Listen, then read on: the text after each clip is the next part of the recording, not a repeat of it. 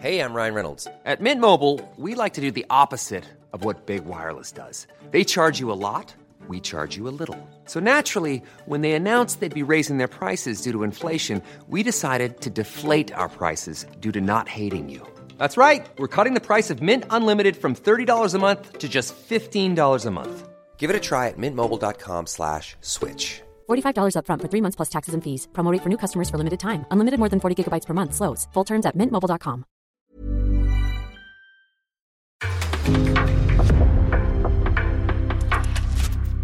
En podcast från Aftonbladet. Vem ska petas om eh, tre mittbackar blir två? Hur många mål ska Sverige ösa in mot Schweiz? Och hur mår egentligen blågults motståndare? Eh, lider enormt mycket med dem, man vet hur jobbigt det är och ja, är det någonting liksom som tömmer energi, liksom, även om kanske alla är spelklara eh, till onsdag så vet man ändå hur mycket det kan störa och påverka en som spelare. Ja, det är några av ämnena i dagens avsnitt av Fan Plus, men först så måste vi prata om vår kära lilla syster, grannen i väst. Så vad väntar vi på? Nu sparkar vi igång.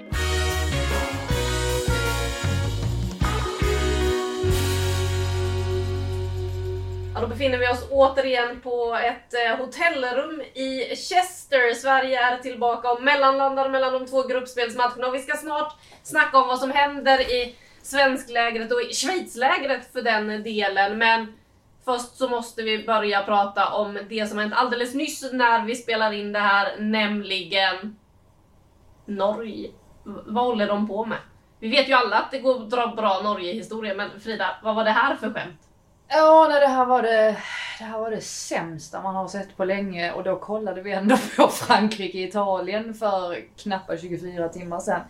Eh, det, var, det var fullständigt bedrövligt. Det ska inte bli såna här siffror i ett, i ett mästerskap säger jag. Tänker tillbaka på, på VM och eh, öppningsmatchen mellan USA och Thailand. Men det, det var ju en helt annan grej. Norge är ju en nation som definitivt inte ska släppa in så här många mål. Speciellt inte kollapsa på det sättet som man gör under första halvleken. Jag menar straffmålet, ja det, det är ju, straffen är ju billig för, för Ellen White och England får ju den här drömstarten men man gör ju samma misstag gång på gång och öppnar upp sig fullständigt på sin vänsterkant. Så Beth Mead, hon hade ju rena rama lekstugan där och, och kunde ju verkligen spela ut hela sitt register.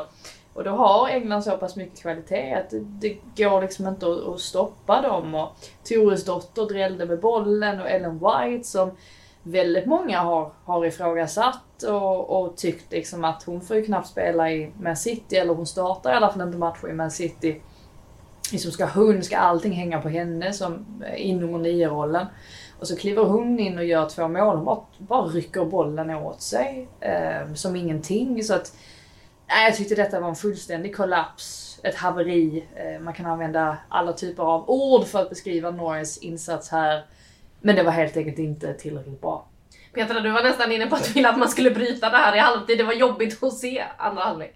Det hade faktiskt räckt med 45 minuter utav eh, eh, den här eh, tillställningen. Jag tycker att det blev eh, genant. Alltså jag blir eh, känslomässigt berörd av, av det här pinsamma som, som utspelar sig där och, och, och förödmjukelsen som, som de norska spelarna måste känna ändå där ute på plan. Det blir, det blir väldigt påtagligt. Eh, och sen är jag lite bekymrad över, det kanske är för tidigt att säga än, men eh, över utvecklingen som jag ändå liksom anar här då i, i damfotbollen. Vi pratar så mycket om utvecklingen av spelet framåt, offensivt och tekniskt, taktiskt, det kanske inte lika mycket, men tekniskt och speedmässigt har vi sett fantastiska insatser. Eh, Frankrike gjorde det, Tyskland har gjort det innan, England gör det nu. Men jag undrar vad som hänt med det kollektiva försvarsspelet. Ja, kollektiva och individuella försvarsspelet. För den utvecklingen har inte alls hängt med och även Frankrike som jag såg igår och var otroligt imponerad av deras eh, offensiv. Eh, så var man ju också otroligt eh, eh bekymrad över det sättet som Italien försvarsspelade på.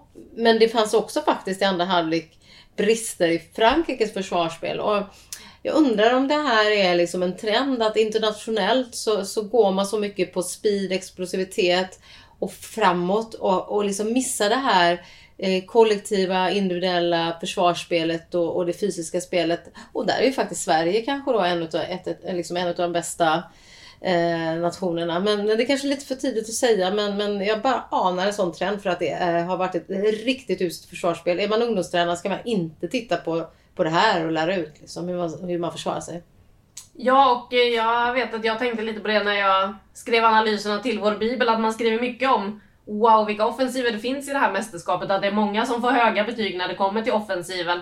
Och eh, jag tror till och med jag skrev till er apropå de här, vi har ju satt plusbetyg på lagdelar och sådär. Jag bara, det finns inget försvar i den här bibeln tror jag som får 5 plus. Det finns inget som är så starkt, det finns inget som känns som att det är så bra. Nej, men Medan anfallen, offensiven, Ja. där finns det. Jag tänker tillbaka lite på Sverige och just i VM 2019 för där pratade vi väl väldigt mycket om att deras försvar var väldigt, väldigt bra. Men då var ju skillnaden Linda Sembrant som ju inte var med under OS förra sommaren där ju Sverige faktiskt inte hade riktigt samma solida försvar som de hade haft tidigare. Så att därför har det känts mycket som att det har hängt på henne lite grann. Eh, men jag vet inte, det är en intressant take i alla fall. Det ska bli intressant att följa, följa utvecklingen också framöver för att det här måste ju väcka också någon form av, alltså vi såg ju liksom Jonas Edevall som står i BBC studio och totalsågar Martin Sjögren och tycker att han blir alldeles, eller helt paralyserad. Alltså det här måste ju väcka, väcka någonting hos, eh, hos alla Europas topptränare för att, eh, ja men så här kan det inte se ut. Ja, och det sätter också lite perspektiv på den eh, matchen som Sverige spelar mot Nederländerna som kanske som match har varit en av de absolut bästa. Eh, England, eh, Österrike var ju också så tajt och, och liksom mm, så spännande men det var ju mer för att det kom in nerver i premiärnerver hos England att de var tvungna att vinna den matchen. Eh, men, men faktiskt sett ur ett liksom, så här, fotbollsmässigt perspektiv och det tycker jag man hör många andra journalister och som, som vi ofta pratar med eh, dagligdags när man, man träffas på runt eh, lyfter just eh, Sverige-Nederländerna som en fantastisk match. För det, det var liksom, fanns komponenterna, det fanns de taktiska delarna, lagen som tog ut varandra, gjorde justeringar och förändringar som, som, eh, som eh, liksom påverkade matchbilden och vi har ett oavgjort resultat. Det här är inte, jag menar det är häftigt att se delvis men det är till slut inte riktigt roligt att se. Nej, och jag tänker lite på det också, eller jag reagerade på det, eller jag insåg att man kan få olika preferenser när det kommer till fotboll. För att jag reagerade på att många tyckte att Sverige-Nederländerna var en tråkig match och att den var dålig att se på. Jag bara tänker, men, men vad, det, här, det här är ju det bästa det här är ju en fotbollsmatch som alltså man vill ha alltså, och, och som man sällan ser inom damfotbollen. Alltså nu har det kommit fram mer och mer och jag minns ju, jag vet inte, så jag har ju dragit upp den matchen hundra gånger men Chelsea-Arsenal i Women's Super League förra säsongen var ju helt fantastiskt, slutar 0-0 och är också ett sånt här liksom taktiskt spel rakt igenom där man verkligen ser liksom spelarna hur de har utvecklats rent tekniskt. Och Sverige-Nederländerna är ju lika så. Det är liksom två väldigt bra lag, precis som du säger, som, eh, ja, men som verkligen har liksom gått in i den här matchen med en plan. Så att, att Norge kollapsar på det här sättet är ju inte, det är ju inte okej. Jag tycker också det visar att det, det, alldeles för många tenderar att dra för stora slutsatser efter en premiärmatch i ett mästerskap. Det är rätt ofta så att det är, det är det laget som är mest strategiskt som, som vinner mästerskap. Och det finns, det finns många exempel på det. Och ibland händer det att de som liksom kliver in i, i mästerskapet med, med dunder och brak, de kanske vinner. Men eh, nej, jag tycker England ser ruggigt stabila ut. De har så mycket individuell, individuell kvalitet.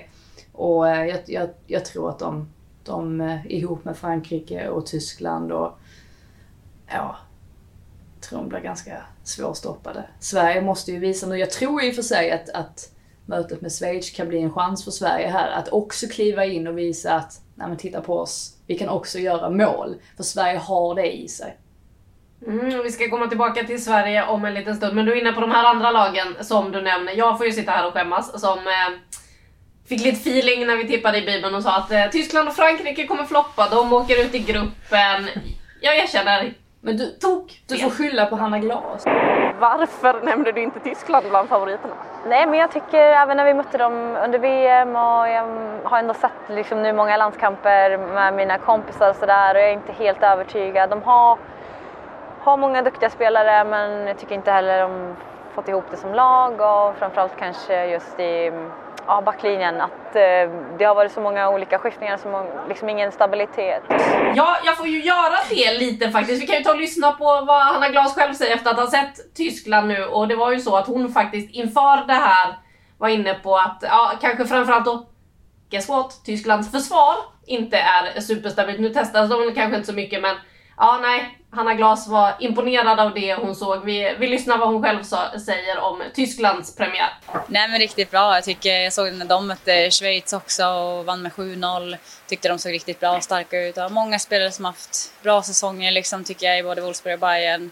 Så jag vet liksom vilken kvalitet de har haft och jag kände också så här, ja man ska aldrig räkna bort dem heller. Hur farliga tror du att de blir i den här Nej, men eh, jag tror att de kan bli extremt farliga. De har en enorm bredd också tycker jag, inte bara liksom startelva. Så att de kan ändra mycket matchbilder i och med det också. Mm, så lite skyller jag faktiskt på Anna Glas som sålde in att det finns lite som skaver i Tyskland och försvaret och sådär som inte riktigt funkat. Men ja, vi får väl se när försvaret testas där. Eh, men vad säger ni om Tyskland och Frankrike, de här två giganterna som kanske inte har pratats om riktigt lika mycket som de stora nationerna inför det här mästerskapet som vanligt, utan det har pratats mer om Spanien, det har pratats om England som eh, värdnation, det har pratats om Sverige som världstvåa, inte riktigt lika mycket om Tyskland och Frankrike och så kliver de in och gör den här premiäromgången som de gjorde.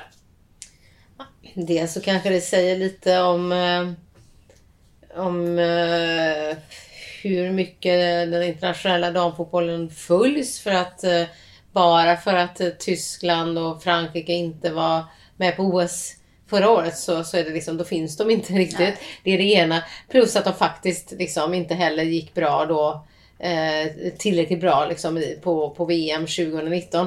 Och med det sagt så är det ju också så att de har missat två stora mästerskap. Det sätter ju ett perspektiv på de här lagen. De har fått jobba lite i skymundan. De har gjort lite en generationsväxling eh, i eh, Tyskland. Och, delvis också i Frankrike och med en del förändringar. Eh, jag var ju tittade på, på Frankrike igår och det är otroligt spännande kvaliteter som de har i laget. Och, och kanske äntligen eh, så, så klarar de ha, av, att ha en kollektiv acceptans också de här individuellt skickliga stjärnorna. Men, men det är ju också bara en, en kick-off där. Så att, eh, Ja, de har väl haft perfekta utgångslägen. De har kunnat jobba lugnt, kommit hit utan krav på sig. Nu växer kraven på Tyskland och Frankrike. då får vi se hur de här svarar, eh, spelarna svarar upp på det. Ja, det blir intressant att se de här eh, stora nationerna framöver och när de kanske då ställs på lite mer prov även defensivt så får vi se om Hanna Glas har spottat något där i den tyska defensiven eller inte. Hon sa ju också att det kändes som att bitar föll på plats i 7-0-segern mot Schweiz. Alltså Tyskland har vunnit med 7-0 mot Schweiz. Om vi då växlar in mot det som väntar för Sverige nu så har ju Schweiz fått en otroligt stökig start på den här turneringen. Först och främst så kommer man hit, ska träna. Planen de ska träna på från början är för dålig så de kunde bara, där tränade de en dag. Den hade de fått av Uefa. Uefa hade klassat den som högsta klass enligt sina eh, bedömningar.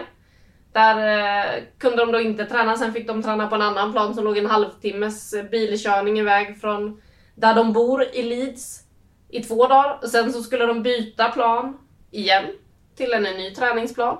Men eh, den träningen, den blev ju inte ens av då för att de har fått in ett virus i truppen. Åtta spelare, elva ledare eller vad det är. Det är otroligt många som har drabbats av det här viruset.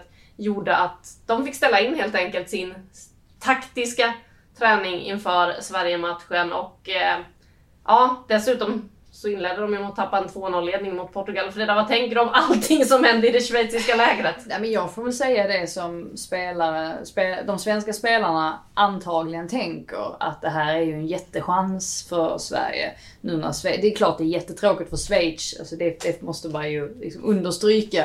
Och de har haft en jättetuff öppning här uppenbarligen på, på mästerskapet. Men Sverige behöver göra mål för att säkra den här gruppsegern. Och då kan man inte tänka sig en bättre möjlighet än att möta ett Schweiz som kanske saknar några startspelare och eh, ja, kanske inte mår 100% i, i, eh, i övrigt. Så att, eh, I tarm. Ja, i magen. Precis. Det var ju obehagliga citat från förbundskaptenen Ja. på, på Ja, jag- jag. Kan vi inte läsa dem Ja, jag Anna? känner lite att jag. Om det är någon som har missat dem så får ni ta dem. Men hallå, om ni, nu vet vi inte riktigt men vi misstänker att podden kan vara en branschpodd så, så äter ni nu så håll för öronen. Ja, Petra uppskattade inte riktigt när jag började läsa upp det här under vår middag tidigare idag. Eh, Nils Nielsen då, förbundskapten i Schweiz, eh, sa alltså på en digital pressträff idag, de ska ju då inte träffa folk i och med det här viruset för tillfället. Eh, så säger han att att sitta på eller framför en toalett och spy är ingen bra uppladdning. Eh, Då kan vi bilda oss en uppfattning där. det kan man verkligen. Vi ska se här, det, var ju, det fortsatte ju. Ja, det, var något, men det var något med lukt också Anna, Ja, jag kommer ihåg det. Ja, det var det, var det, här, det här du sa till mig. Och, tyst nu! För Petra satt och åt när hon fick höra de här Ja. eh, citaten ska tilläggas. Ja. Och eh, han säger ju också då, jag är fortfarande optimistisk till att vi kommer ha mer eller mindre alla spelare redo, åtminstone utan symptom. Och så då, men att sitta på eller framför en toalett och spy är ingen bra uppladdning. Jag kan komma på bättre och mindre illaluktande sätt att förbereda sig på. Ja, herregud. Ja, nej det är ju det är otroligt. Är, är det inte bland det värsta? Tur att de inte är skidåkare tänker jag. De, är- de är alltid så rädda för att bli sjuka. Vi som följer skidorna på vintern. Men jag tänker att det är ändå, alltså ni vet ju själva liksom om man åkt på någon magproblematik så är man ju rätt hängig ett par dagar. Det tar ett par dygn för att kicka tillbaka liksom, för att få upp energi, för att eh, få magen att fungera, för att behålla energi, för att fylla på depåerna. Så det är klart att flera av deras spelare kommer vara påverkade. Sen kan det ju liksom vara så de som inte är drabbade som kliv, kan kliva fram då och göra, göra en bra insats. Men det är klart att det är otroligt eh, eh, svåra förutsättningar eh, för, för, för Schweiz att ladda in mot Sverige. Det, det kan inte vara något annat. Nej, det känns onekligen otroligt stökigt eh, med den uppladdningen för Schweiz del. Sverige då? Hur mår det svenska laget efter premiären skulle ni säga? Ser ut att må alldeles förträffligt. Det var ju jösses vad glada de var på dagens träning och det kanske berodde på att det fanns anhöriga och eh, ja, men lite, lite supportrar på plats för det var ju en öppen träning för allmänheten. Men eh, nej, det var väldigt glad stämning och vi, vi diskuterade ju lite om det inte kunde vara så att det var en del nerver där i, i premiären. De har ju trots allt byggts upp som en av de stora favoriterna och sen så kliver man in mot ett väldigt tufft motstånd då i första matchen och det, det är mycket, mycket krav, mycket press och så kommer man därifrån med en poäng och känner ändå att man är besviken. Jag tycker ändå att det, det är ett gott tecken. Det visar att spelarna vet om att de kan mycket bättre, de vill mycket mer och just det här att det var sån munter stämning tycker jag också bådar gott inför, inför fortsättningen och just därför så tror jag faktiskt att det kan bli att det- att kan lossna ordentligt mot Schweiz. Eller det är i alla fall förhoppningen. Ja, Jag tycker också det här stämningen. Alltså glädjen bara när de gjorde den här.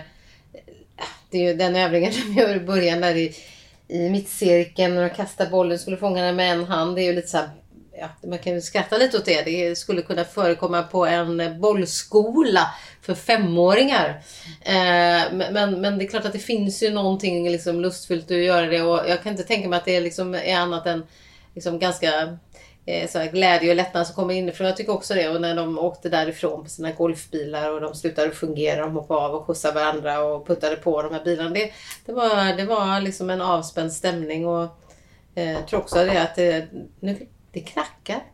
Ja, Ska jag gå och öppna? ja gå och öppna. Wow, det, är det knack, live i podden nu? eller? ja. det knackar på dörren sent på kvällen. Vi har en hemlig gäst på väg in. I det här Vi hästrummet ska bara i avsluta. spiltan. Det är, det är en hemlig gäst men vi har ju också... När vi såg alla de här glada bilderna idag. Woo! Vi Vår har en hemliga man i gäst. podden. Sa han också, säger alla nu. Vi Ja, välter mikrofonen är det första han gör. Vi säger Ja, välkommen till. Pontus Orre som kliver in, alltså vår fotograf som är med oss på resan. Ni hörde ju honom lite förra gången. Han är alltså både chaufför och fotograf. Jag sa, Kanske framförallt fotograf. ja, eller? jag sa ett ord i förra podden och det var ja, visst. Kanske ska jag säga mer idag. Jag Det vet var inte. stark öppning tycker jag. Ja, ja, visst. Sen körde jag bil hela natten. Hey, I'm Ryan Reynolds. Recently, I asked Mint Mobile's legal team if big wireless companies are allowed to raise prices due to inflation. They said yes. And then when I asked if raising prices technically violates those onerous two year contracts, they said, What the f are you talking about, you insane Hollywood ass? So to recap, we're cutting the price of Mint Unlimited from $30 a month to just $15 a month. Give it a try at mintmobile.com slash switch. $45 upfront for three months plus taxes and fees. Promo for new customers for limited time. Unlimited more than 40 gigabytes per month. Slows. Full terms at mintmobile.com. Eh, men du var inne lite på bilder här. Du, eh, vi pratade om den glada stämningen på dagens träning och vi kan väl börja där då bara. Vi såg ju kanske det som blir EMs genombrott här i år. Ja, och som också blir eh, 5 plus. Ja, det blir också 5 plus. Vi Ja. stannar där. Vi, tar, vi kommer till det sen. Petra ska alltså dela ut 5 plus. idag. Minifam. Ja. Och eh, det kommer vi tillbaka till sen då. Men ni som är inne på Sportbladets Instagram får ju ofta se Pontus bilder. Eh, de dyker ju upp på sajten också såklart. Men eh, efter matchen senast så var det fantastiska bilder på en liten kille med väldigt stora handskar. Ja, det var ju då när, när hela laget skulle tacka fansen för deras support. Eh, som då en... Eh, som jag står, jag står och fotograferar läktaren då helt plötsligt istället för jag vill få liksom reaktioner och så. Och så ser jag bara ett par handskar komma flygande precis framför mig. Och liksom landar i den här lilla killens nävar. Och han blir ju helt till sig liksom. Och springer upp till sin mamma tror jag det är och liksom visar så här, kolla vad jag har fått liksom. Och tillbaka fram och liksom, ja han var helt eh, i eld och lågor över eh, Hedvigs handskar. Fantastiska bilder, måste sägas. Och Hedvig var ju också, för hon var ju så oerhört besviken i mixade zonen. Alltså det märktes ju att hon var en av dem som tyckte att en poäng kanske inte var sådär så eh, superbra. Men eh, hon, eh, det märktes att, eh, nej, var det att hon, eh, hon sken upp lite ändå när jag sa att det fanns väldigt fina bilder på, på just det här när hon slängde upp handskarna. Och så tillade hon ju då att hon ville ge tillbaka. Så att det, det var ju fint. Ja men ge tillbaka gör de ju verkligen. Alltså efter att hon då var besviken i mixade zonen hos dig så innan hon gick in i spelarbussen också så träffade de ju en massa fans utanför. Hon var ju säkert där i alla fall fem, nästan tio minuter och skrev autografer och tog selfies. Så att eh, det här med autografskrivande också är ju pågående hela tiden för dem. Men eh, varför kastade hon dem ditåt? Liksom, fick du någon uppfattning om du bara såg dem komma flygande liksom? Men var det så att han var där och bad dem eller vad, vad hände Jo, hon egentligen? såg enligt mig, eller enligt mig. Enligt dig, ja, enligt till mig, till mig sa hon att hon såg honom på läktaren och siktade. Så att det lär väl ha varit så. Ja, Det är bra, hon har bra utkast Hedvig. På, även på handskarna. ja verkligen. Fint med precisionen. Ja, det är det. Men de är ju också, det är som du säger Pontus, det är nu autografskrivande, även om de kanske får begränsa själva det fysiska nu då med autografskrivandet eh, på grund av covid-reglerna eller omständigheterna.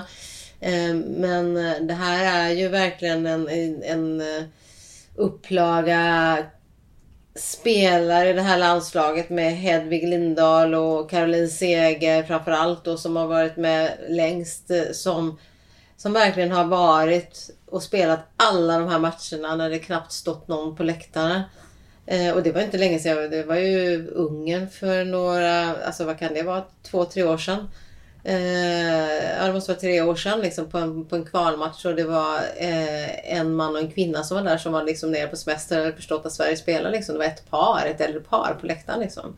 Så att det är klart att de, för de, de är tacksamma. De är inte bara där och skriver autografer för att de tycker det är något de ska göra, för att de är förebilder. De är där och skriver för det känns i hjärtat att de äntligen får uppleva det som de har slitit för och bråkat för och stått på barrikaderna och skrikit om. Det upplever de nu och det är klart att de passar på att liksom suga in den energin och kärleken som de får från fansen och det, det är faktiskt väldigt mäktigt att se. Det är det verkligen och eh, man märker ju hur taggade de är. Alltså de kom in i partybuss till och med idag. Det var ganska bra drag i den Pontus. Ja herregud, jag vände mig om och funderade vad fan är det som låter? och så kommer Skog och gänget i eh, en minibuss där. Man tänkte ju också först kanske att det är det yngre gardet som kommer med liksom hög pumpande musik. Men ur den minibussen stiger alltså Olivia Skog, Caroline Seger, Linda Sembrant. Ja, Jo, det var ett gäng. Men det jag tycker är fint också det är just det här, för att precis som du säger Petra, just den här äldre generationen. Det märks ju liksom att de, eh, de verkligen har gjort enormt mycket för att lyfta hela idrotten.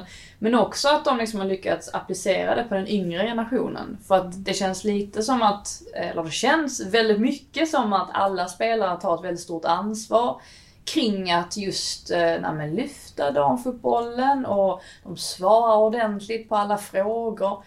Det är inte många spelare man har problem med eller tycker eh, när man uppträder på ett otrevligt sätt eller så. Utan det känns som att alla är på, är på samma, samma bana, har väldigt stor respekt då för de här, det här äldre gardet och eh, vill bli den typen av förebilder som, som de har varit under så himla många år också.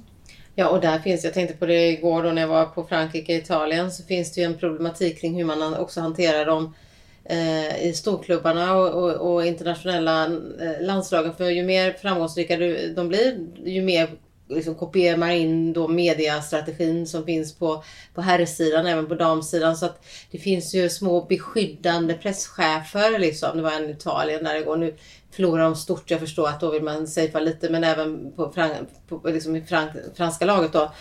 Eh, och, och, där är vi ju inte i Sverige. Där är de ju fortfarande liksom se till att de, de kommer fram och, och liksom vi får den tiden som vi tycker att eh, liksom är inte som vi behöver, det ska jag inte säga, men så länge det finns vettiga frågor liksom. Så länge vi inte frågar om biceps så... ja, det, det, var ju det. Då hade de brottat mig iväg när jag skulle ha eh, Caroline Segers bicepsgrepp eftersom eh, binden, regnbågsbinden, måste hon sy in. För att... Man får inte skoja för mycket. Det Nej, det är sant. Nej, men lite så. Nej, det är klart. Men, men de stannar i alla fall. Eh, det fanns ju faktiskt någon av de franska stjärnorna som gick förbi och det var lite så beskyddande och italiensk presschef som bara no, no, no, så här. Så att det, vad jag säger med det är liksom att det gäller ju verkligen att inte man plockar in alla de dåliga delarna som finns kring herrfotbollen in i damfotbollen och, och där gör ju de här eh, spelarna i det svenska landslaget ett otroligt jobb.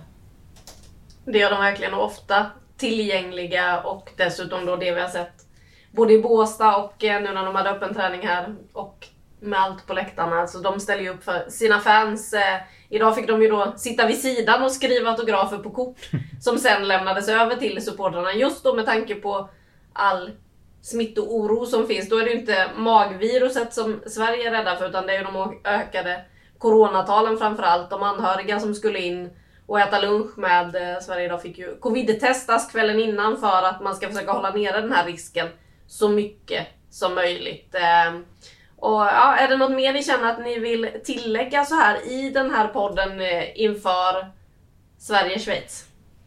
Ja, men det är väl det här eh, mm, så sportsliga. Hur kommer vi straffa Schweiz oavsett om de är friska, starka, sviter av avsjuk eller inte. Sverige måste göra mål. Sverige måste gå för det. Först se till att, liksom, se till att dra hem eh, och rädda segern men det handlar också om att vinna stort.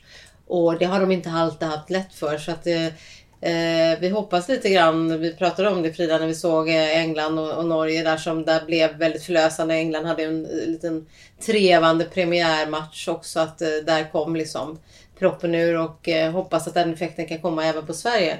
Men, men Eh, nu gäller det upp med bolltempo, snabba förflyttningar, snabba beslut. Nu är det liksom EM igång. Nu går det inte att vara långsam i sitt beslutsfattande längre. Ja, jag är spänd på att få se Stina Blackstenius från start. Eller jag hoppas att vi får se det för att när hon kom in mot Nederländerna såg man ju omedelbart att hon har någonting som ingen annan har i den här truppen. Så att, att hon är på planen, det är väldigt viktigt. Fyrbackslinje ska bli spännande att se. Tror ändå vi kan slå fast att det kommer att bli så. Så att, eh, nej, nya tag och förhoppningsvis kan de luckra upp då eh, Schweiz försvar. Precis som du säger Peter, de har haft en del problem. Särskilt när försvar har stått ganska lågt. Haft, haft problem med att låsa upp det men nej, det är verkligen vitalt att man gör det för som sagt de där målen måste in så att man undviker Frankrike i kvartsfinalen. Och då blir det spännande fyrbackslinje, mittbackspar. Blir det Ilestedt, eh, Eriksson, ska Sembrant in? Ska Ilestedt ut och Nathalie Björn in? För Ilestedt har vi ju pratat om flera gånger nu också att det finns eh, ett ganska högt risktagande kring hennes agerande. Så vilket blir ett mittbackspar, Frida? Ja, men jag är ju lite inne på att jag tycker Eriksson och Björn förtjänar att få starta ihop. Sen är jag inte alls säker på att det kommer att bli så. Nu förutsätter jag att Sembrant kanske inte är redo för att starta. Skulle det vara så att Sembrant är 100% redo, då vill jag givetvis ha in Linda Sembrant för hon är så pass, hon är så pass bra att, att det vore skönt att få in henne i matchtempo på något sätt. Men jag känner kanske att hon förmodligen man kanske håller på henne här och sen så sätter man in henne beroende på hur det går mot Schweiz på Portugal. Alltså det skulle kunna vara ett alternativ i alla fall om man inte vill, vill chansa för mycket. Men eh, om det inte är så, eller om Linda Sembrant inte startar så tycker jag ändå att Björn ska få chansen. Jag vet om att Ilestedt är en favorit hos eh, förbundskaptenen och hans assisterande. Så jag skulle inte bli förvånad om det, om det blir Eriksson och Ilestedt igen. Jag tycker ändå att Björn har visat så pass mycket nu de senaste gångerna som hon faktiskt har fått chansen på, på mittbackspositionen att äh, jag lutar lite åt det i alla fall. Med 100% på Linda Sembrant, menar du då att hon ska vara redo att spela alla 90 minuter eller vad, vad Alltså jag är, ju inte, jag är ju inte, är Pont, inte Pontus eller Homan här. Jag kan inte, jag kan inte, ta, jag kan inte ge dig minutantal. Det får det medicinska teamet avgöra. ja precis. Vi litar på det medicinska ja, teamet. Vårt medicinska team är ju Petra Thorén. Jag tror Linda Sembrant har 45 minuter i sig. Jag, får, jag tror att hon får 30. Jag tror jag vill ha igång henne. Hon kommer mm. gå in. Mm. Jag tror att Magda Eriksson, Nathalie Björn startar centralt. Eh, och så kommer hon in på slutet. Och så kommer hon in på slutet för mm. att få eh, matchning. För det behöver jag köper det. För inför slutspelet. Det är alltid skönt när man kan luta sig mot det medicinska teamet. Ja, det är skönt för jag har en också. Ja, precis. Vi har slagit fast tiden här. Ja. Eh, men eh, det också som sportsligt är intressant i den här är ju, med tanke på att det blev oavgjort i första så kan det hela bli en målskillnadsaffär för att just slippa Frankrike som du var inne på. Vi kan väl lyssna på vad Fridolina Rolfö som ändå är en av våra offensiva superstjärnor säger om det här med att göra mål och att Sverige måste kanske ösa in mål. Hur mycket kan man gå för det? Ja men vi lyssnar hur det lät på pressträffen när Fridolina Rolfö fick frågor om eh, målgörandet. Ja, nej men först och främst så måste vi vinna båda matcherna. Det är första fokus, men eh, mål, allt är viktigt och i detta fallet när vi har ett oavgjort resultat då vet vi att det väger ännu tyngre. Så att eh, vi kommer behöva satsa på era mål, absolut. Det är ju skärpan i, i sista tredjedelen. Det var någonting som vi kanske inte var 100% nöjda med och där har vi absolut potential att göra det bättre. Eh, jag tycker att Holland försvarade bra, men jag tycker att vi det går lite för långsamt ibland för oss. Och om vi tar lite snabbare beslut och eh, spelar på lite mindre touch så tror jag att vi kan komma till ytterligare farliga målchanser. Ja, hur många mål gör Sverige då hörni? Kommer det lossna? 4-0. 4-0. Frida? Jag tror att Blackstenius är på hugget. Så jag var också lite inne på 4-0 och tänkte nästan att äh, Stina kommer göra hattrick. Lite såhär Beth Mead. Jag tänkte precis Arsenal-vibbarna här. Ja, ja, precis. Att hon känner att amen, jag måste också steppa fram. Men om Peter säger 4-0, då säger jag 5-0. Det är mycket då. Ja, det är mycket. Men, ja, men vi, tre, nej, okej, jag, jag Vi är lite påverkade av det här som har skett ja. alldeles nyss. Nej, jag skulle säga 3-0. Ja, men nu får du säga 5-0. Nej, 3-0. Då tar jag 5-0. Okej, Pontus kom på 5-0. 3-0, 4-0. Vad ska jag göra då? Ja, jag tyckte jag tog i från tårna för Sverige vinner ju sällan så stort. Är det ju då mot Georgien som det ja, helt jo, plötsligt det ändå, bara small iväg. Det är ändå Schweiz, även om de har haft magsjuka. Ja, det blir försvagat lag. Herregud, 5-0.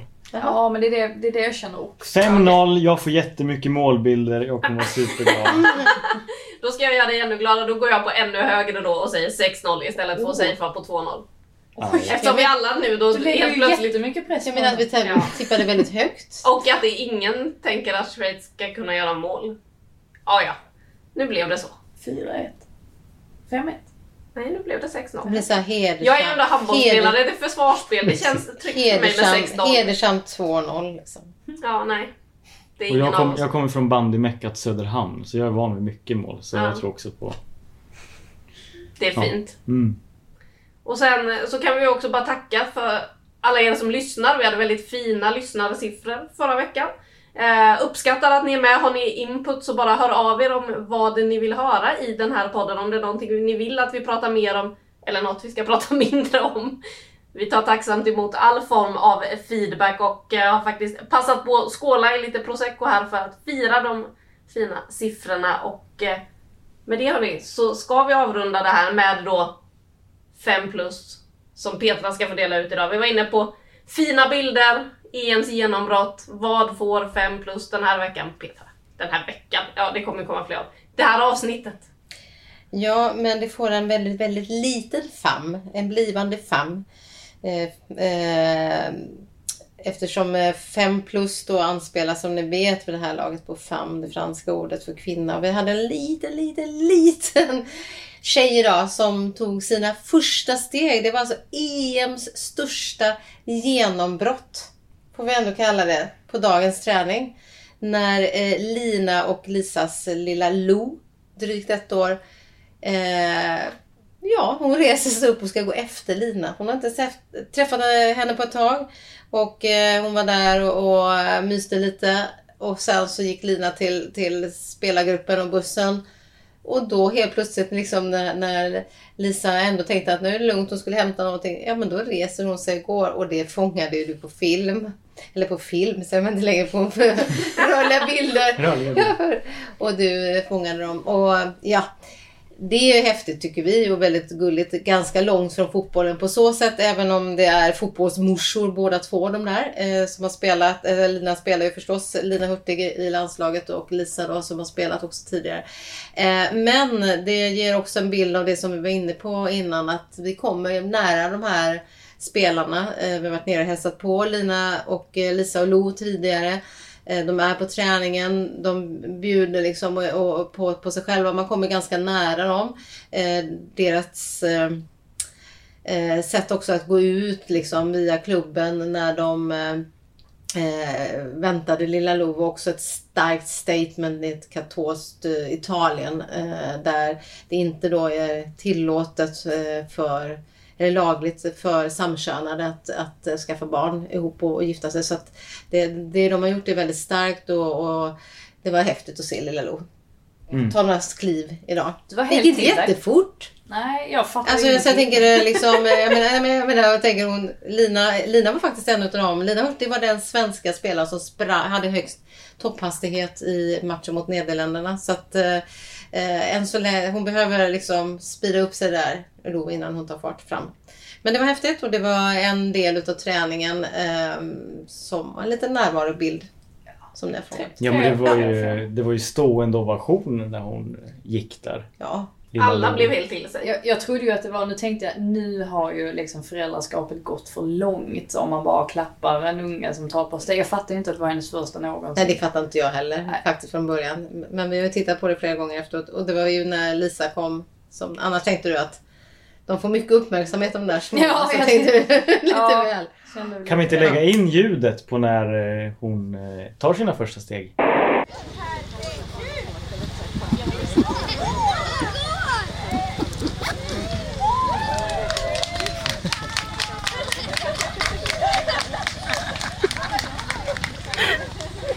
Otroligt att hon börjar applådera sig själv. Ja, så där lät Pontus alltså, Ja, Pontus kliver in och löser det här. Eh, så där lät alltså, och en av dem som klappar är ju dessutom lilla Lo själv när hon har satt sig ner och bara märker att alla andra klappar. Det är klart man måste klappa. Så är det. Klappa för Sverige, klappa för EM, klappa för många mål. Vi klappar inte så mycket för försvarsspelet som har varit hittills eh, på många håll i många av de stora nationerna. Men eh, det kan ju bli bättre. Det kan det. Vi ser fram emot att se fler matcher och är tillbaka med ett nytt poddavsnitt när Sverige har mött Schweiz. Eh, då blir det debriefing i bilen på väg tillbaka till Chester från Sheffield. Så häng med oss på den resan. Vi tackar för att ni har varit med och lyssnat hela vägen på det här avsnittet. Och har ni inte sett när Lo tar sina första steg, ja men gå in på Sportbladets sociala kanaler så hittar ni det där. Och eh, så hörs vi senare.